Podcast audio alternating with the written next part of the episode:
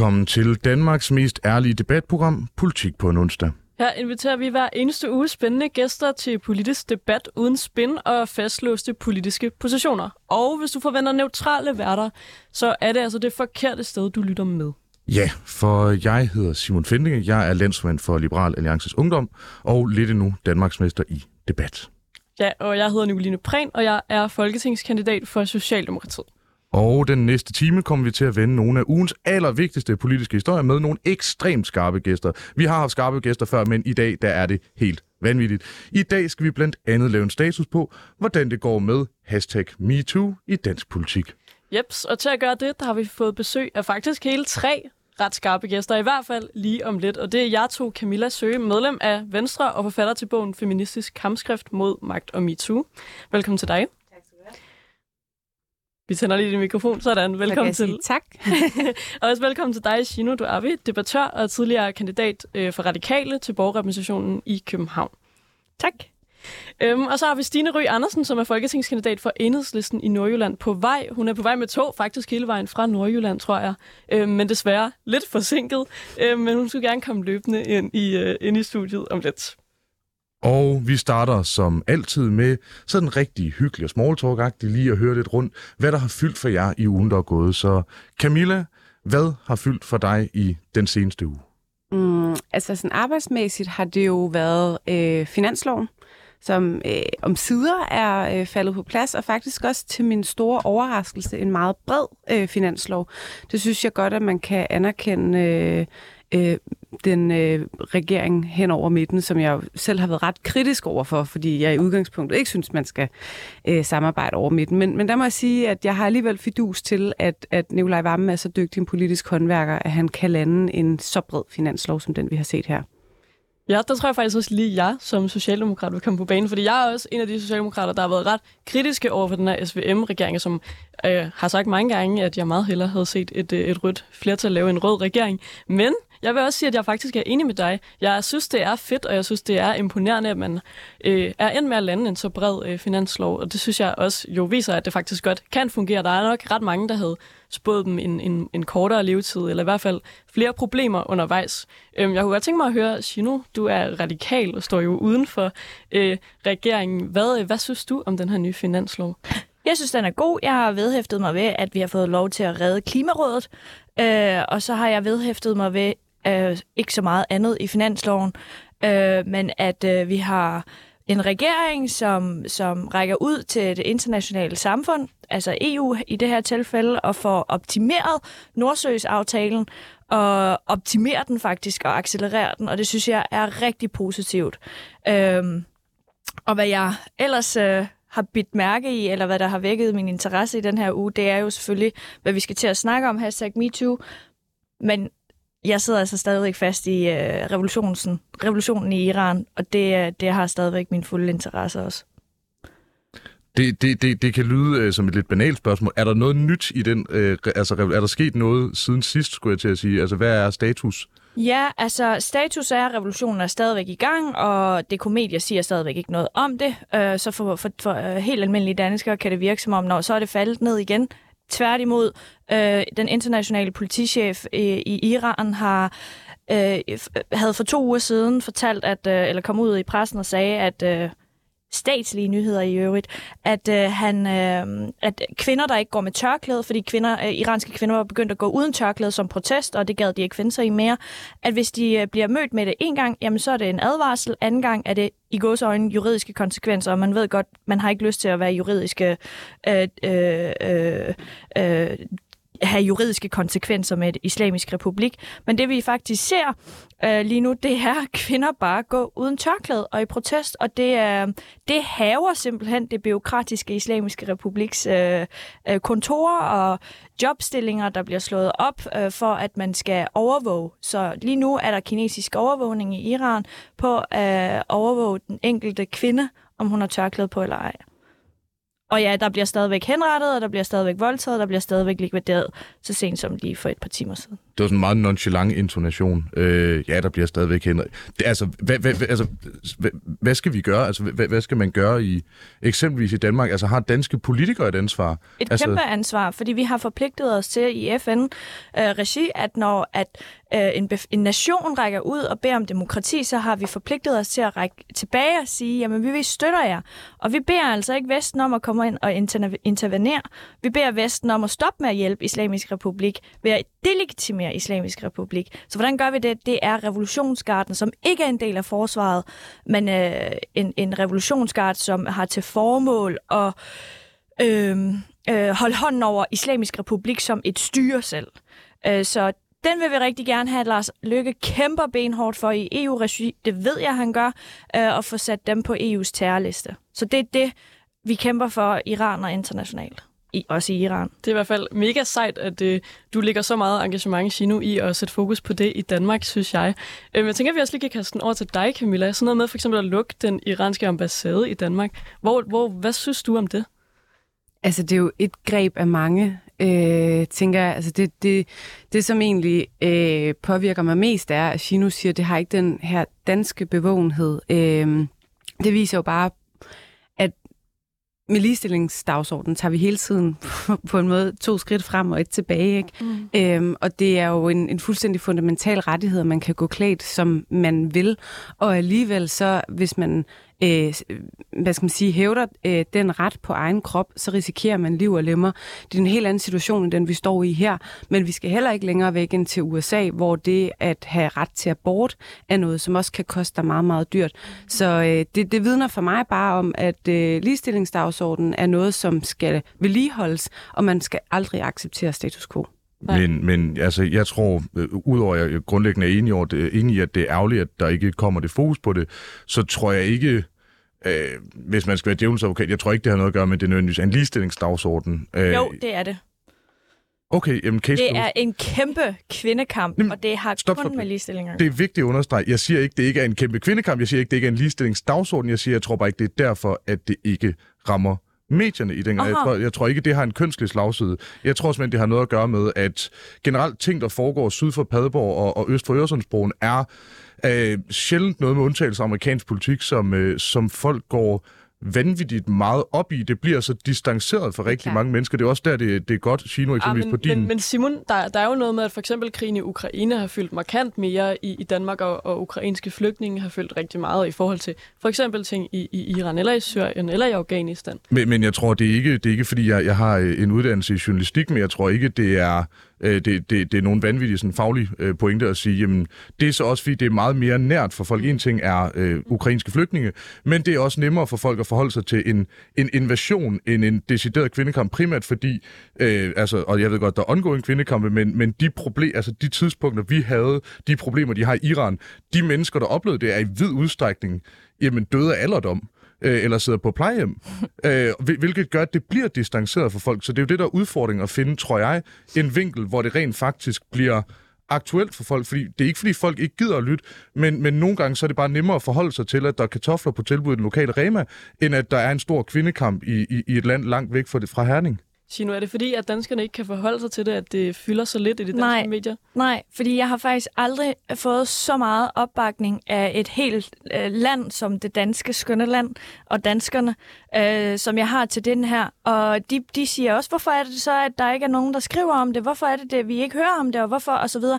Og det er jo simpelthen ikke rigtigt, for vi dækker jo international politik. Vi dækker bare ikke Iran.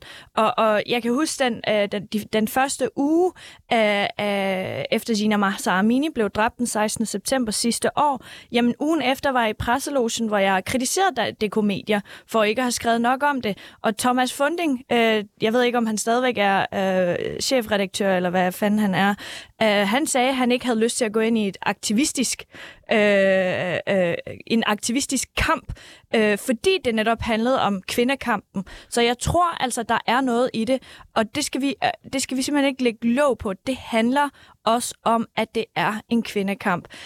Men mest af alt, så er det altså noget, vi kan forholde os til. Det er helt grundlæggende menneskerettigheder. Det er rettigheder til, som vi kan forestille os, at jeg bliver slået ned, hvis jeg ikke har øh, øh gør, gør, som staten siger.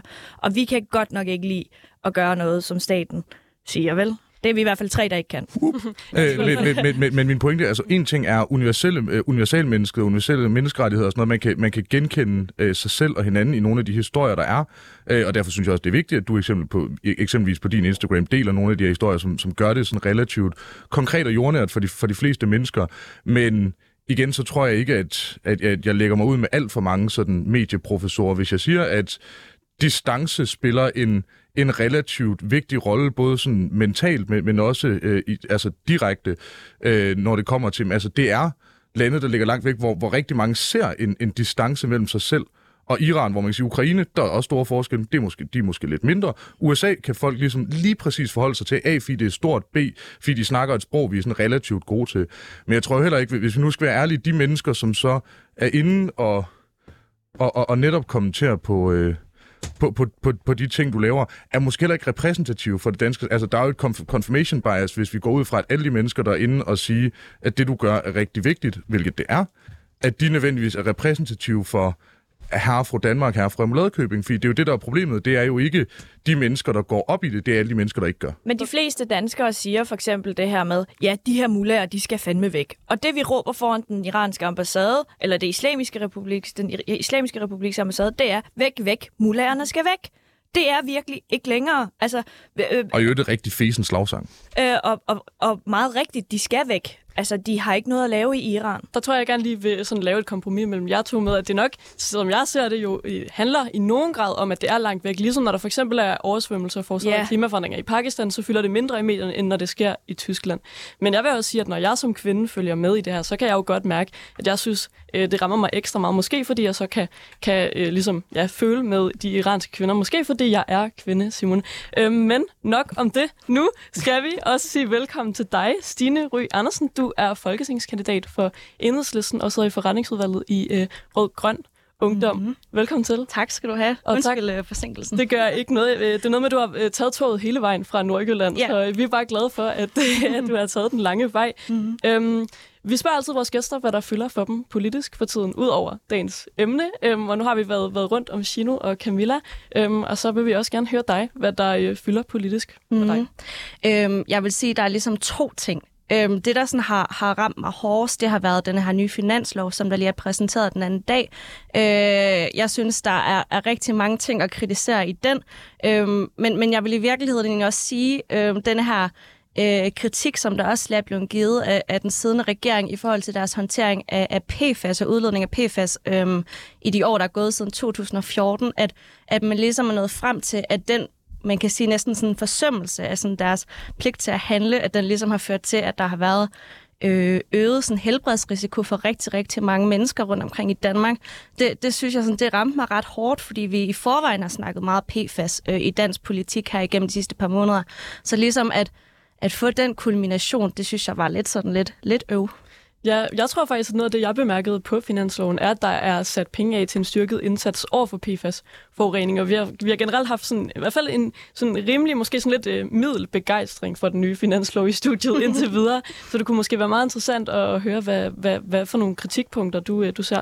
Ja, mm, jeg synes, det, det der sådan på en eller anden måde sådan rørte mig sådan lidt forkert, det var, at, at der slet ikke har været sat penge af til erhvervsskolerne, til erhvervsuddannelserne på den her finanslov.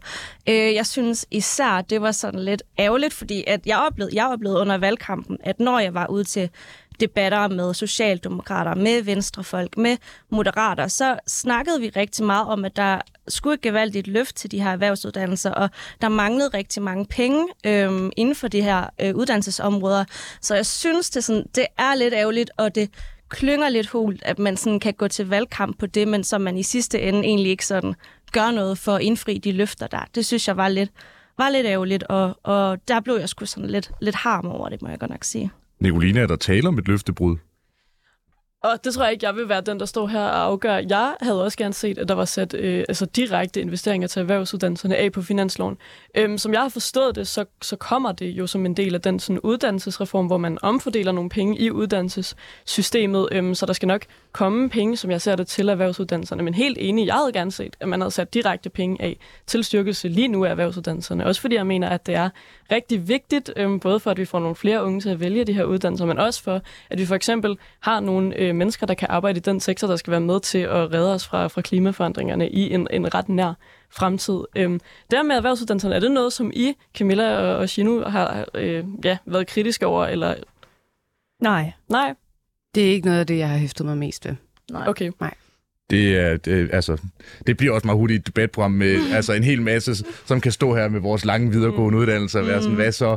Ja, erhvervsuddannelse. Altså, jeg, jeg må også, altså, problemet er jo lidt, at dem, dem, der jo skal kæmpe for det øh, langt hen ad vejen, er, må jo også være eksempelvis Socialdemokratiet og, og i øvrigt øh, øh, til, til venstre. Altså, jeg synes, det er ekstremt vigtigt, men jeg må også indrømme, og det er jo, det, det er jo også det, der nogle gange bliver, øh, bliver problemet, når man... Øh, for eksempel flytter fra Jylland til København, jamen det er, at de ting, der før var sådan lidt præsente, øh, bliver det jo ikke. Altså, jeg har aldrig gået på en erhvervsuddannelse. Jeg kan ikke, altså, jeg, jeg kan ikke engang skrue en kommode sammen. Da, da min forlovede og jeg skulle flytte sammen, da, altså, der forsøgte jeg at samle lamelbunden i halvanden time, indtil jeg grædende måtte gå, give op og ud og spise riskiks, mens min forlovede samlede den. Altså, det er bare ikke skide præsent for mig at, at, at, at, at, at lave sådan noget. Det er jo det, der er problemet. Det er jo, at tror jeg i lige så høj grad, at de mennesker, som så netop er eksponeret for det her, hvor eksempelvis Karl Emil Lind har været rigtig god til at, at være ude med et opråb, at de ikke råber højt nok, hvilket både kan skyldes en, en for svag mikrofon og for få til at holde den, men Ej, jeg Det- tror, jeg vil sige, at de råber rigtig højt, men problemet er, at der ikke er nogen, der lytter. jo, men, men, men udfordringen alt andet lige øh, er jo, at så vidt ved sidder Karl Emil ikke i Folketinget. Så vidt ved sidder ingen af de mennesker, altså jeg, jeg synes, man savner lidt, at nogle af de mænd, altså Mathias Tesfaye er jo ud over AGF-fan, hvilket jeg sætter stor pris på, er jo altså uddannet mur, er, er, er fantastisk dygtig og kan netop snakke det her.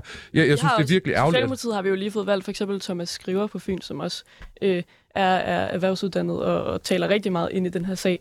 Øhm, så jeg tror, Ikke nok til, at de fik penge, men, Nej, helt enig. Problemet er, at der ikke, der ikke bliver lyttet nok.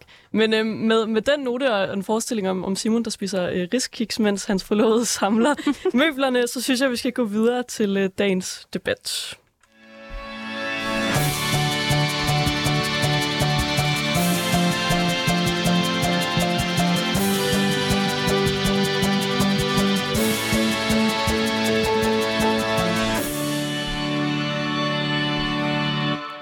Lytter til Politik på en onsdag med Nicoline Prehn og Simon Fendinge, hvor vi i dag har besøg af Camilla Sø, medlem af Venstre og forfatter til bogen Feministisk kampskrift mod magt og MeToo. Der er også et lille bogstavrim, det hele det spiller.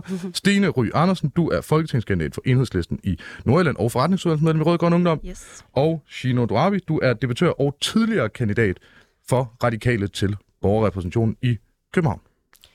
I sidste uge udkom en ny rapport fra Institut for Menneskerettigheder, som slog fast, at unge kvindelige politikere i stor stil blev udsat for seksuel chikane under efterårets folketingsvalg. Mere end hver fjerde kvindelige kandidat under 40 år oplevede seksuel chikane i løbet af valgkampen. Og kvindelige kandidater generelt oplevede altså mere end tre gange så meget seksuel chikane som deres mandlige kollegaer. Ja, og i sig selv er der jo ikke så meget nyt i, at politiske kandidater oplever chikane. Men hvorfor fortsætter tallene med at, at stige, og hvad kan der gøres for, at, at udviklingen bliver vendt? Det skal vi dykke ned i i Politik på en onsdag. Men inden vi kommer så langt, så skal vi også lige runde grænseoverskridende adfærd internt i politik. I sidste uge kom det nemlig frem, at et 19-årig medlem af Moderaternes ungdomsparti Unge Moderater havde oplevet uønsket seksuel opmærksomhed for Moderpartiets folketingsmedlem Jon Steffensen, som blandt andet havde sendt medlemmet af Ungdomspartiet en besked med teksten Du er smuk med den lækreste krop. Unge Moderater, det er Moderaternes ungdomsparti, krævede Jon Steffensen smidt ud af partiet, og en af ungdomspartiets ledere, hun hedder Ellen Emilie, udtalte blandt andet, at, citat, det i høj grad handler om, at han har udnyttet sin magtposition, citat slut. Det har Moderpartiet, i hvert fald indtil videre, ikke lyttet til, og i stedet er Jon Steffensen gået på selvbetalt overlov, øh, forløbigt indtil Folketingets åbning i oktober. Chikane er altså stadigvæk en del af det at være kvinde i politik, både internt i politik og også udadtil, når man stiller sig frem. Det er ellers ved at være nogle år siden, at MeToo for alvor ramte dansk politik, blandt andet da opråbet En blandt os øhm, kom frem. En af dem, der var med til at gå forrest dengang, det var dig, Camilla Sø. Du var en af de fire kvinder, som tog initiativ til en blandt os. I samlede 79 udsagn om oplevelser med grænseoverskridende adfærd fra, politik, fra kvinder i politik og ungdomspolitik, og 322 underskrifter fra kvinder, der enten alle var nuværende eller tidligere medlemmer af politiske partier. Kan du ikke øh, starte med at fortælle, hvad der dengang fik øh, dig og de andre tre kvinder til at øh, tage det her initiativ? Jo, altså, det var jo øh, selvfølgelig i slipstrømmen af blandt andet den tale, som Sofie Linde holdt til, til Zulu Comedy Gala, og så med en erkendelse af, at hvis man er tilstrækkelig mange, og det bliver tilstrækkeligt konkret, så kan man faktisk også råbe partilederne op, og, og Folketingets præsidie, som jo også har i forhold til, til øh, chikane øh, i dansk politik en, en ret stor øh, magt. Og der hørte vi primært, må jeg indrømme fra højrefløjen, at øh, sexisme ikke var et problem i politik. Altså, der var flere ledende skikkelser, øh, blandt andet øh, Inger Støjberg, Bertel Hårder, Pia Kærsgaard, som negligerede øh, den her udfordring, øh, og som jo også er et demokratisk problem. Altså hun, hun fortæller, hvis vi tager den her konkrete sag med Jon Steffensen, mm. at hun ikke havde lyst til at dukke op til arrangementer efterfølgende. Og det er jo det, der sker i de her sager, det er, at dem, som ikke øh, overholder det code of conduct, som heldigvis har været, øh, de får lov til at få en hel masse plads i partiet, fordi at dem, som det går ud over, de så viger pladsen. Øh, og det er klart, så har vi jo en situation, hvor der er plads til en type mennesker, øh, og hvor at dem, som måske har nogle andre ting at byde ind med, og som er unge talenter, de vælger at vige pladsen øh, til, til fordel for dem. Og det var jo så noget af det, som det her opråb øh, gik ud på. Helt konkret kan jeg jo så også se nu, hvor vi sådan kigger nogle år tilbage, at vi har fået et andet sprog for, hvad magtmisbrug øh, er. Mm. Vi har fået en anden forståelse for, hvad vil det sige at indgå i et ulige magtforhold. Øhm, hvorfor har det også en betydning, at der er den store aldersforskel? Jamen det har det jo selvfølgelig, fordi den 19-årige ser øh, Jon Steffensen som en autoritet. Hun øh, skriver med ham om ting og sager til sin skoleopgave, øh, og kommunikerer med ham på den måde, som man vil kommunikere med en skolelærer eller en spejderleder på. Og, øh, og, og det, som, som jeg kan læse ud af den korrespondence, som hun også siger, når hun får de her sov godt beskeder, det er, at det går op for hende, at det faktisk ikke er det, som han har intention om med den her relation. Og det er en rigtig, rigtig klam fornemmelse. Øhm, jeg har selv siddet som modtager af, af den her type beskeder, da jeg var praktikant inde på Christiansborg for efterhånden nogle år tilbage. Der var det så mine øh, store brune øjne, der blev skrevet om af en politiker. Og det er jo også vanvittigt uprofessionelt. Og det er en enormt øh, grænseoverskridende oplevelse, når man finder ud af, at det faktisk er noget helt andet vedkommende ved med relationen, end at få ens faglige politiske input, eller hvad det måtte være.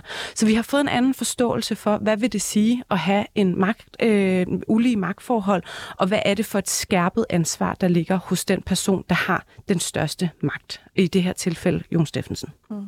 Ja, så der er i hvert fald nogle ting, der har ændret sig. Der er kommet et fokus, som måske ikke har været der før, som måske du og andre kvinder har været med til at gå forrest og, og skabe. Vi kommer til at dykke mere ned i, hvad der så udover det skal til, for at øh, vi kommer det helt til livs øh, senere i programmet. Hvis vi lige holder fast i den gang, hvor øh, du var med til at tage initiativ til en blandt os, var det så en oplevelse af, at, at der var kvinder, der var nervøse for at stå frem?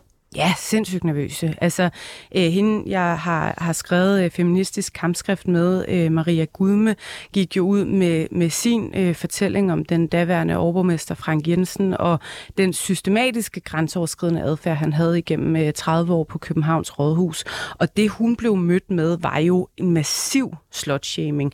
Altså, der blev stået tvivl om, hvorvidt hun selv havde lagt op til det, og øh, er du nu sikker på, at vi kan stole på hende, og hun gør det for at få opmærksomhed opmærksomhed osv. Og, og der tror jeg efterhånden, vi også er nået dertil, hvor vi må sige, der er ikke nogen, der stiller sig frem i de her sager, fordi de har lyst til den type opmærksomhed, som man får. Mm. Øh, det er øh, en, en ret voldsom modstand, man også møder i folkehavet. Og vi kan jo godt her i studiet være enige om, at den adfærd, Jon Steffensen har udvist, øh, ikke er på nogen måde acceptabel, men der er stadigvæk mange derude, når du spørger, som mener, at MeToo har taget overhånd. Og der rammer du altså en mur, når du stiller dig frem.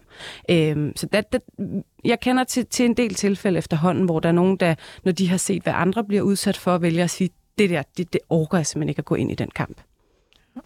Ja, og når, det kommer vi til at dykke meget mere ned i om lidt. Øhm, først så, øh, så vil jeg høre dig, Shino. Øhm, du stillede op til kommunalvalget, øh, du stillede op til borgerorganisationen i København for radikale. Og selvom den her rapport, der nu kommer fra Institut for Menneskerettigheder, der viser, at de kvindelige kandidater i højere grad bliver udsat for særligt seksuel chikane, øh, øh, end mændene gør det, den har vagt opsigt i medierne, så er det altså ikke nogen øh, stor nyhed. For bare lidt over et år siden, i februar 2022, der slog en rapport fast, at 45 procent af kandidaterne til netop kommunale regionsrådsvalget i 2021, hvor du stillede op, havde øh, oplevet chikane og trusler under valgkampen, og at særligt yngre kvinder og kandidater for etniske minoriteter stod for skud. Og Shino, øh, du stillede jo op til borgermissionen, og du er både en ung kvinde, så du er også en del af en etnisk minoritet, fordi du har, har kurdiske rødder. Øhm, vil du ikke fortælle om, hvad du oplevede dengang i to, øh, 2021 som, som kandidat? Jamen altså, min oplevelse afspejler i virkeligheden både den rapport, der blev lavet i 19, men også øh, den, der lige er blevet kommet ud. Så der er intet nyt under solen. Øh, Øh, og jeg ved simpelthen ikke, hvad det er, der gør, at det får nogle mennesker til at tillade sig at være så grænseoverskridende.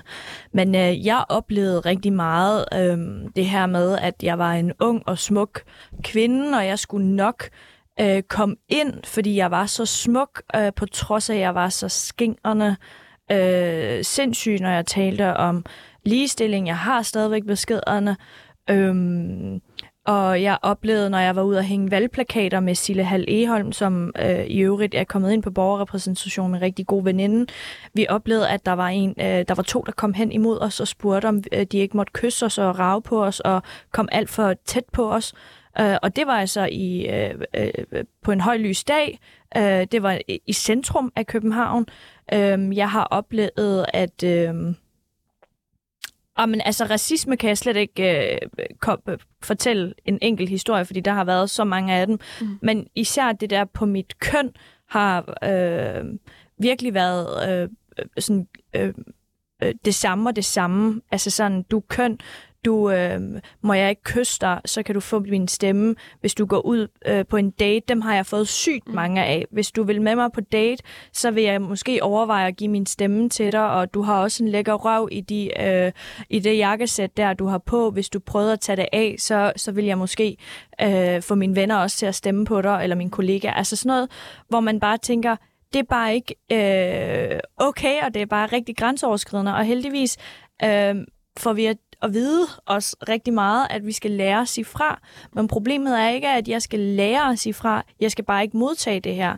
Øh, jeg sagde så fra, men det hjalp heller ikke, for det fortsatte jo, fordi ham, øh, mig, Silla og jeg mødte, øh, ville jo komme tættere på os. Og det var først, da Silla og jeg begyndte at råbe højt, og der var mennesker, at han bakkede, altså de to øh, venner der, der bakkede tilbage, altså at de så gik væk. Mm. Og det var, altså, jeg var faktisk chokeret på det tidspunkt, fordi det var lige starten, når vi smed valgplakaterne op. Mm. Øh, så jeg var sådan, gud, det er starten på velkommen, velkommen til, og tak for lort.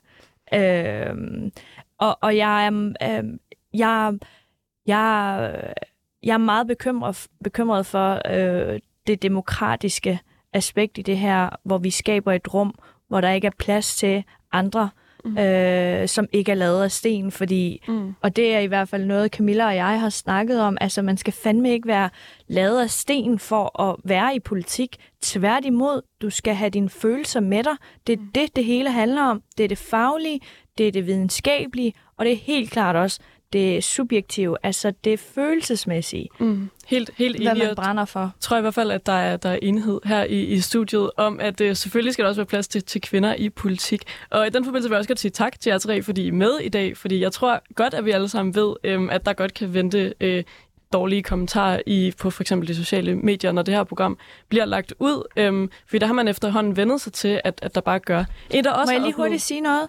Bare lige mm. det her med MeToo. Øh, øh, mig og Lars Lykke havde taget et billede sammen, mm. øh, hvor jeg havde delt øh, det her billede omkring, at nu var jeg glad for, at vi havde fået en udenrigsminister, der ville øh, indkalde ambassadøren mm. til, til en samtale, altså den iranske ambassadør til en alvorlig samtale. Og det roste jeg ham for, og det har Jon Steffensen så delt på sit Twitter, hvilket er helt okay på det tidspunkt, mm. øh, og det er det vel stadigvæk. Og under kommentarsporene er det faktisk mig, der bliver kritiseret, og mig, der bliver mistænkeliggjort for, at mm, er der egentlig noget der så, noget med, at har hun så også, altså, har jeg også fået de her MeToo-beskeder, og hvorfor siger jeg ikke noget, og mm. Mm, krænkelse, og altså sådan nogle syge kommentarer, hvor, hvor man siger, hvor fanden kommer jeg overhovedet ind i det her billede, ikke? Altså, det er bare for at sige, øh, understrege det Camilla siger, kvinder bliver bare mistænkeliggjort, ikke i lige så høj grad som nogen, som har taget slagene før os, mm. øh, herunder Camilla selv og, og Maria Gudme, mm. og Sigrid og Freja, men at det stadigvæk er kvinderne, der ligesom bliver mistænkeliggjort for at have gjort noget forkert. Helt sikkert. Og der, der tænker jeg, at vi kan smide den over til dig, Stine Ry Andersen. Du øh, var folketingskandidat ved øh, valget i efteråret for Enhedslisten i Nordjylland, øh, og har oplevet nogle af de her ting, som kom frem i øh, den nye rapport fra Institut for Menneskerettigheder. I Nordjyske Stifttidene, der kunne man den 21. april læse, hvordan du under valgkampen modtog kommentarer om din krop og dit udseende, og blandt andet en besked med ordene, hvor kunne jeg bare godt knalde dig.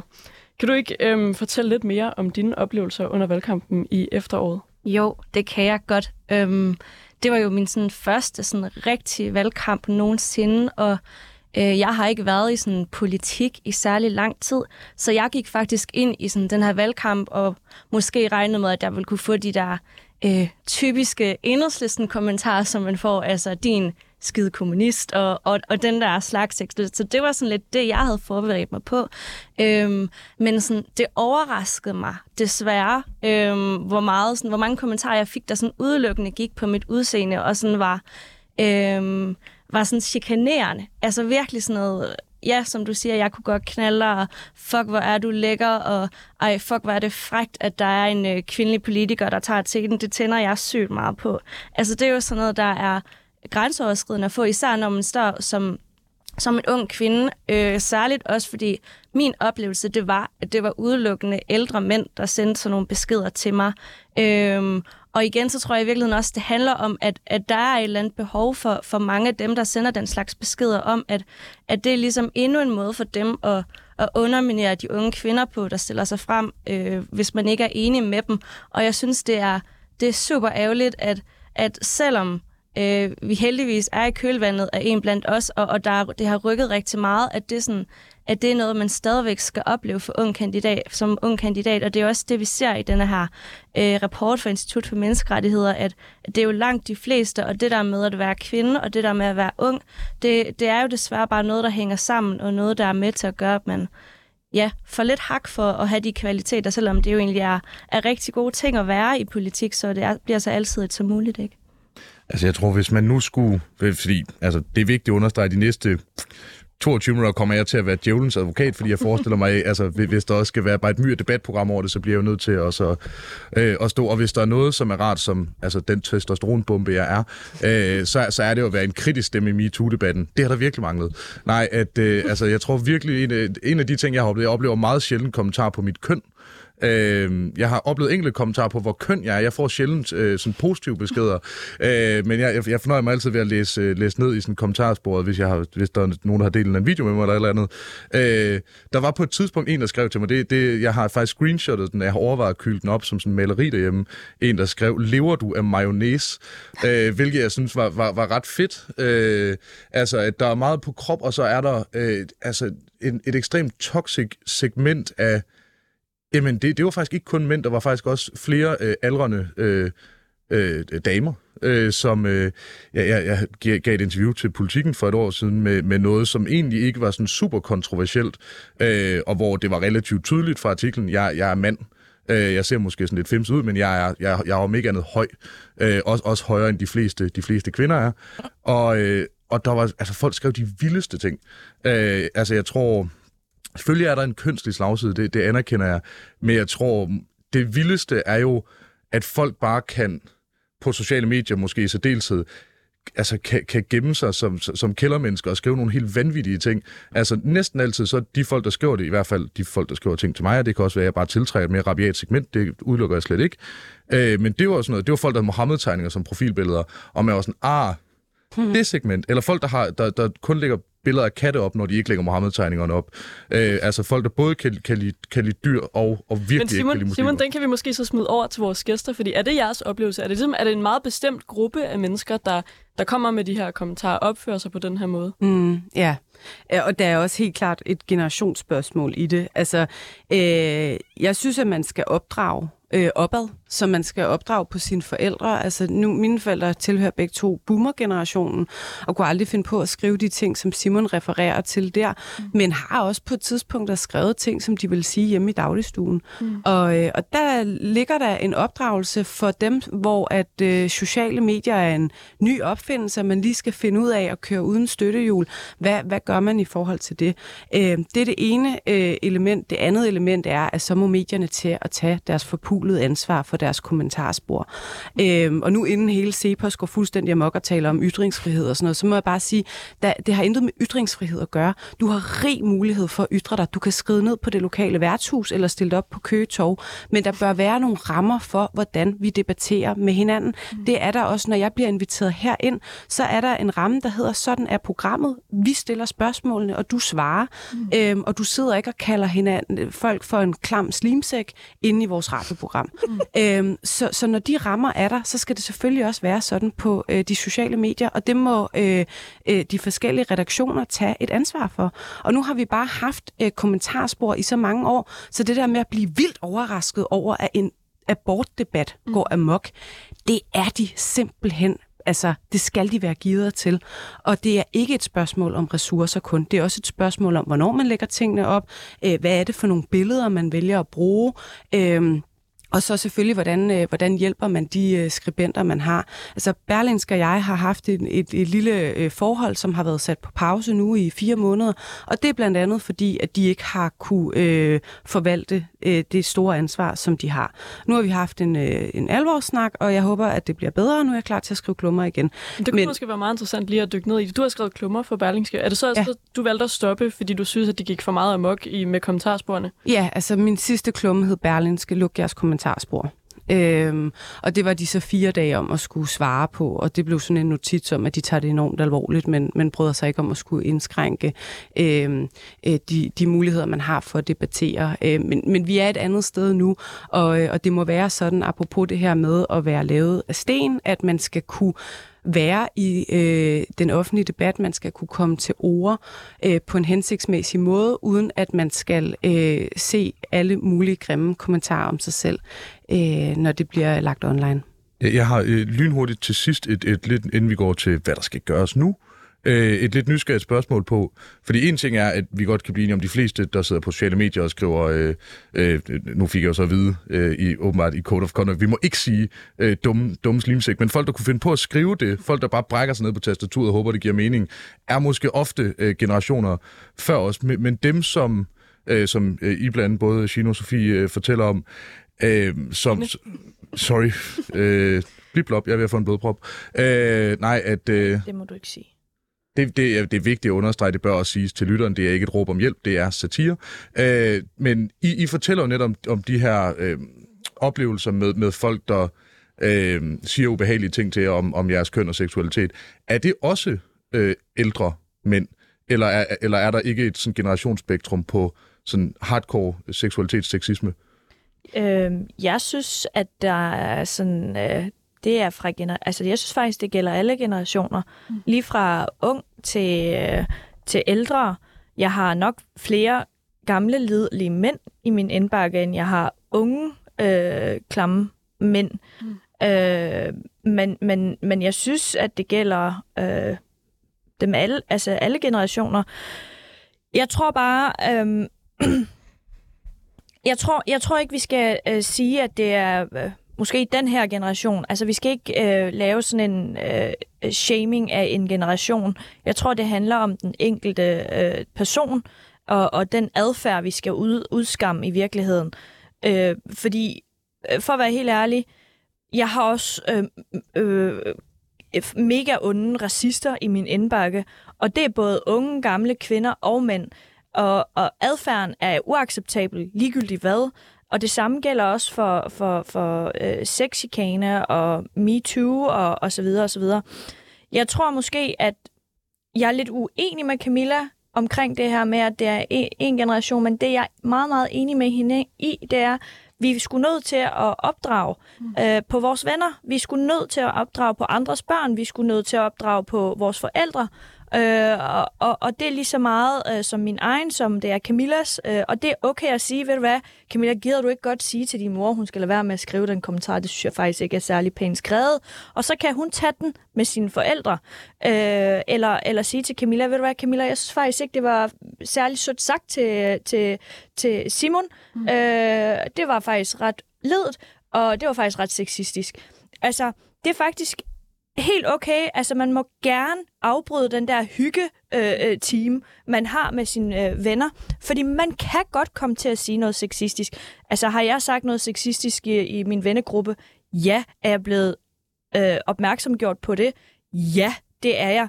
Så man er alle sammen mennesker. Man skal bare blive gjort opmærksom på det, så man kan rette sig ind. Vi er alle klar til at udvikle os. Vi er alle bare mennesker. Og med de ord er vi, har vi allerede taget lidt hul på øh, den næste runde, som handler om, hvad vi skal gøre ved de her problemer.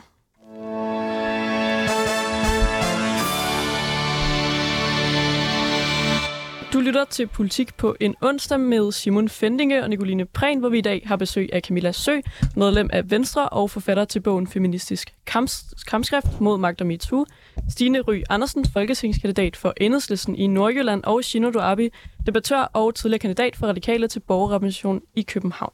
Og udover en introduktion med et ekstremt højt ligestal, så er vi i gang med en debat om hashtag MeToo, en blandt os og en grænseoverskridende adfærd i den politiske verden.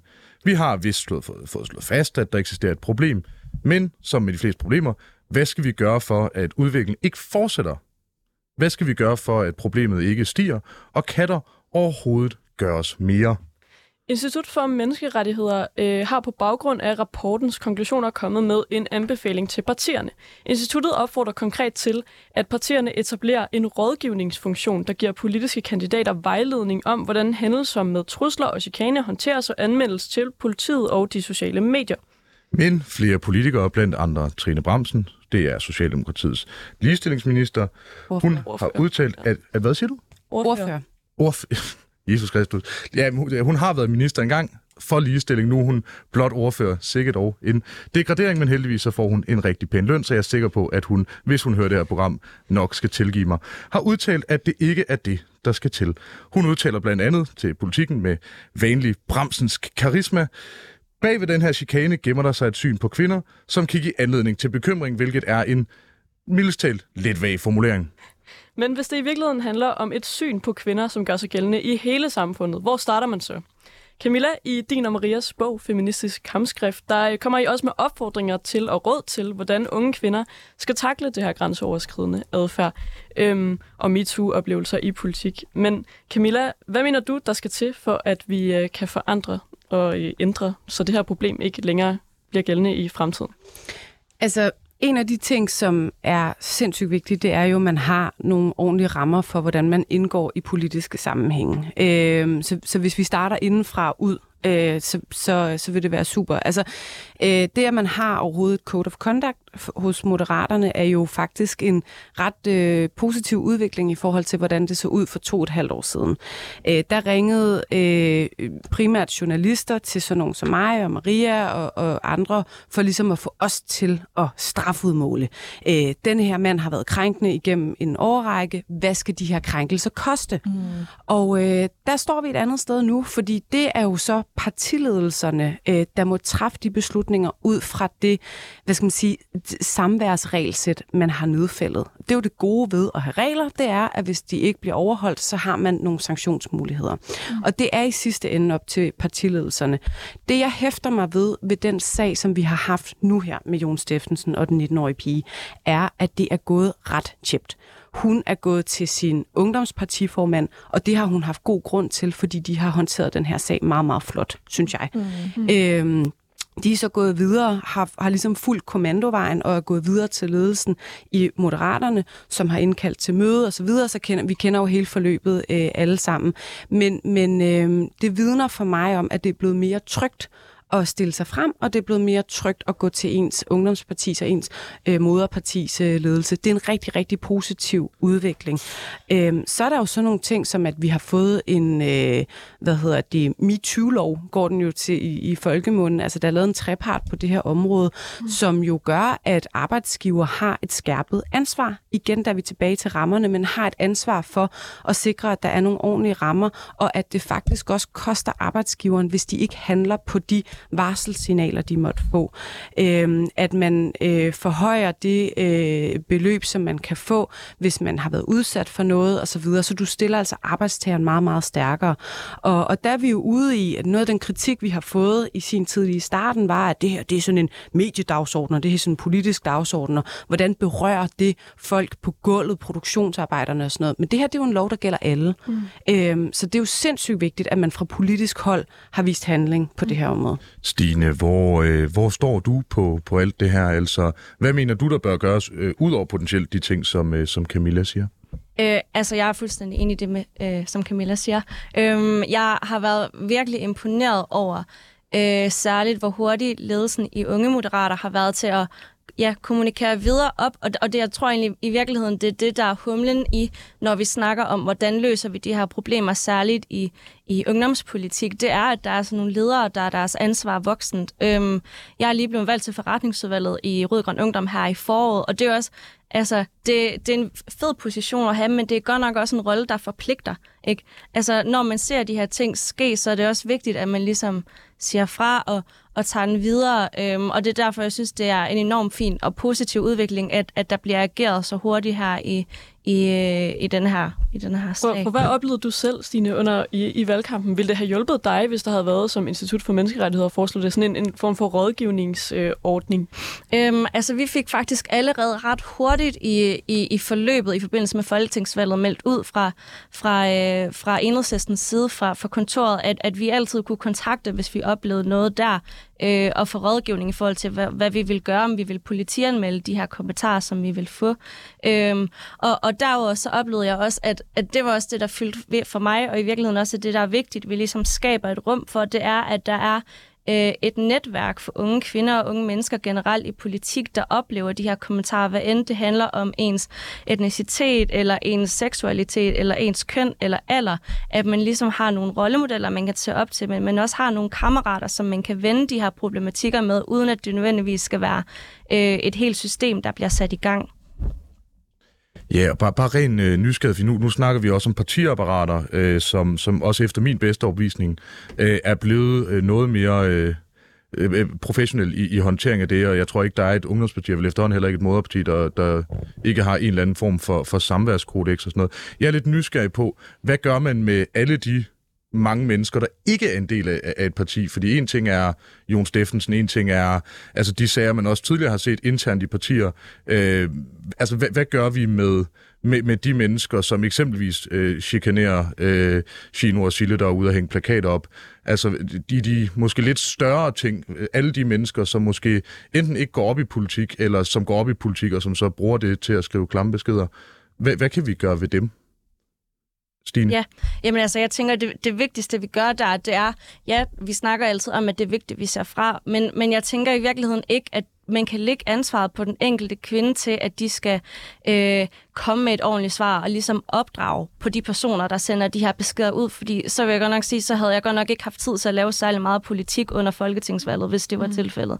Øhm, så jeg, jeg tænker, det er vigtigt, øhm, hvis man som ikke politisk aktive sidder og ser, at der er nogen, der skriver de her møghammerne irriterende Facebook-beskeder på kommentarer og sådan noget, at man øh, er, er hurtig til at sige, at, at det er altså ikke den måde, debatten skal, skal gå på, fordi øh, jeg, jeg tænker, det, det er egentlig det vigtigste, det der med, at altså, jeg synes, det batter mere at blive sat på plads af en ven eller en kammerat, end at der skal stå en eller anden øh, politisk kandidat, der ligesom skal løfte en pegefinger for 70. gang på en uge. Så det er altså en opfordring til, at vi alle sammen tager fat og gør noget. Jeg kunne godt tænke mig at høre, Øhm, er I enige i, at det er et generelt problem? At det ikke bare handler om kulturen måske i politik, men at det handler om hele synet på kvinder? Og hvor tager man så fat? Altså er det så i, i uddannelsessystemet? Eller hvordan ændrer man ligesom hele, hele det kvindesyn?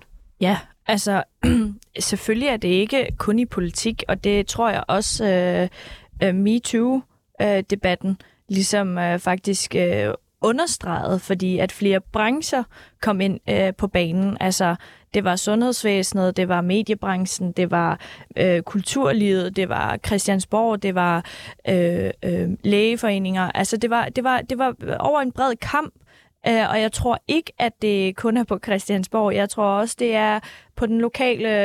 Øh, supermarked, at der kan foregå sådan nogle ting, og det synes jeg lige netop, at det Camilla kommer ind på så fint, at der bliver skabt et rum øh, på en arbejdsplads, øh, som, som er så trygt, at man kan komme og, og fortælle de her øh, øh, øh, oplevelser, man har haft øh, af krænkelser og andre øh, uacceptabel adfærd. Øh, og, og jeg tror, øh, øh, det er naivt at tro, at vi kommer den, de her øh, problematikker til livs. Det tror jeg aldrig, vi kommer til. Der kommer altid til at være idioter. Der kommer altid... Det vi bare skal øh, have på plads, det er, hvordan håndterer vi det her? Hvad er step 1, 2, 3? Hvordan kan jeg øh, øh, som medarbejder i den virksomhed, jeg arbejder for, hvordan føler jeg mig tryg til at gå hen til min leder og sige, det er det her. Hvordan laver vi fælles regler, så alle er enige om, det her, det er bare helt uacceptabelt, og hvis jeg gør det, så er der de her konsekvenser, som er opridset 1, 2, 3. Og det tror jeg gør det bare meget nemmere for den krænkede og, og krænkeren at forstå, øh, hvad konsekvenserne er ved den adfærd. Og nu øh, lynhurtigt, der er, altså tiden den løber, når man, øh, når man har det sjovt. Øh, Camilla, du øh, nævnte tidligere i forhold til øh, kommentarspor på, på sociale medier og øh, ytringsfrihed og det ene og det andet.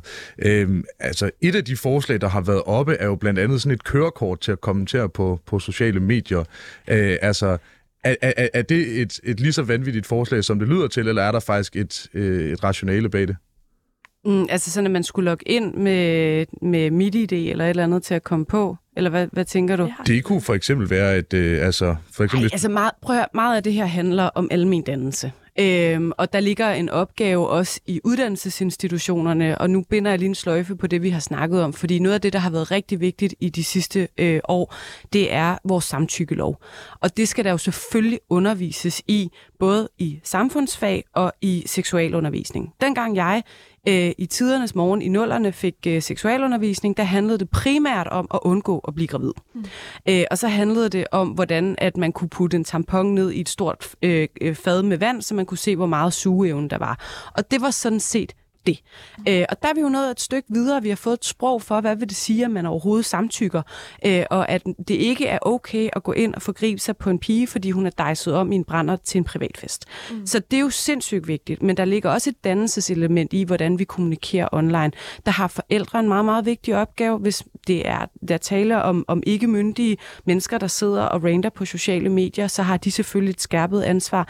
Øh, der ligger en opdragelsesopgave øh, hos os som civilsamfund, men der ligger også en opgave i at tage det op øh, når man øh, taler om det her i skolen. Hvordan er det, vores sprogbrug er online? Hvad vil det sige, at man truer osv.? Øh, der, der, der ligger simpelthen en bunden opgave der. Stine, er det også noget af det, du øh, ser som en løsningsmulighed? Helt klart. Øhm, jeg havde seksuel undervisning i, i 10'erne. Der var øh, heller ikke sådan, så meget andet på tapetet der, så jeg synes virkelig, det er, det er vigtigt. Også at det er sådan noget med, at at det er sådan noget, vi uddanner fremtidens lærere til i virkeligheden også, at at, at, at det ikke kun er i seksualundervisningen, at, at den her måde, vi, vi omgås med hinanden, den tænker ind, og det heller ikke kun er, er i i samfundsfaget, det bliver tænkt ind, men det bliver sådan en helt gennemgående øh, faktor i den måde, vi underviser på og uddanner i, i, i folkeskolen og på vores gymnasier. Tusind tak for det. Jeg øh, tror, det var alt, vi nåede i den her debat. Tusind tak, fordi I ville være med, Camilla Sø. Shino Doabi og Stine Ry Andersen, og jeg synes, at vi måske i samme omgang også lige skal opfordre lytterne til at holde en ordentlig tone mm. derude. Tak øh, for jeres tid.